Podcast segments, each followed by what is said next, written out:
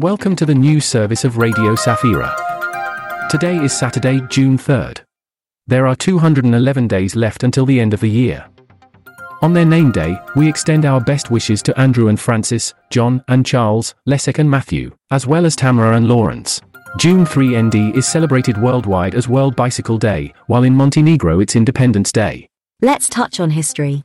In 1460, during the Thirteen Years' War, Pope Pius II excommunicated the Prussian states battling the Teutonic Order and their allies. In this way, King Casimir Jagiellon and his subjects were placed under anathema. Despite this, they won the war against the Teutonic Knights. Most of us love our phones, so it's worth recalling that in 1880 Alexander Graham Bell conducted the world's first wireless telephone transmission using his photophone. In our birthday calendar, we remember that in 1922 Wiesław Michnikowski was born. He was a Polish actor and cabaret artist. Among his most famous film roles is Her Excellency in the film Sex Mission by Juliusz Machulski. Michnikowski also appeared in films such as Rififi After 60, Gangsters and Philanthropists, and, of course, The Cabaret of Older Men. In 1941, Åke Green was born. He was a Swedish Pentecostal pastor who became famous for a controversial sermon, in which he presented his interpretation of a Bible text about homosexuality. He warned that normalizing perversion could bring God's wrath and natural disasters upon Sweden, akin to the biblical Sodom. For preaching his views, he was convicted and then acquitted. Now for the current news from Poland and the world. Workshops and lectures related to the Jewish holiday of Shavuos took place in the ethnographic park in Tacania. The event, attended by students and adults from the region, aimed to introduce Jewish traditions and folklore. Registration for World Youth Day in Lisbon, Portugal has ended in Poland. About 25,000 Poles have registered, and registration was only possible through the Portuguese online system.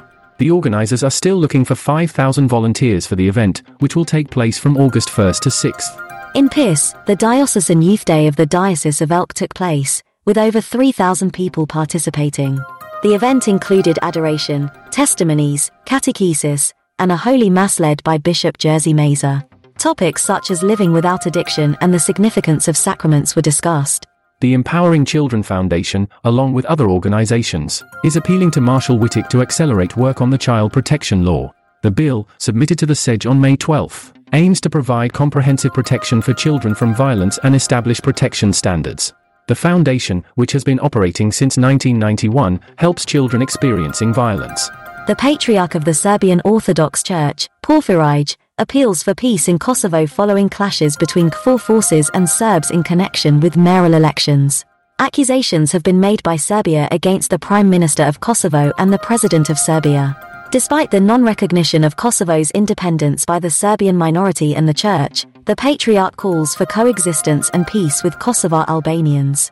A delegation from the Conference of European Churches, CEC, and the Commission of the Bishops' Conferences of the European Union, COMECE, met with the Swedish minister discussing the EU presidency, the situation in Ukraine, the importance of sustainable development, migration, asylum, and mental health. The role of religion in promoting peace and combating misinformation was emphasized. The meeting was part of the EU Church Dialogue. CEC and COMECE respectively represent Protestant and Catholic churches in the EU. Gospel music is gaining popularity in Sweden, bringing about social changes. Conductor Jonas Engström, who leads the Gospel Choir Festival in Stockholm, points to the influence of this music on life, symbolizing struggle and hope. Because of a strong choral tradition, gospel attracts both professionals and amateurs in Sweden.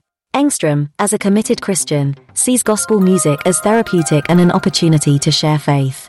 Campbell Lino, a student at Atascocita High School in Texas, used a speech to talk about the impact of Jesus on her life.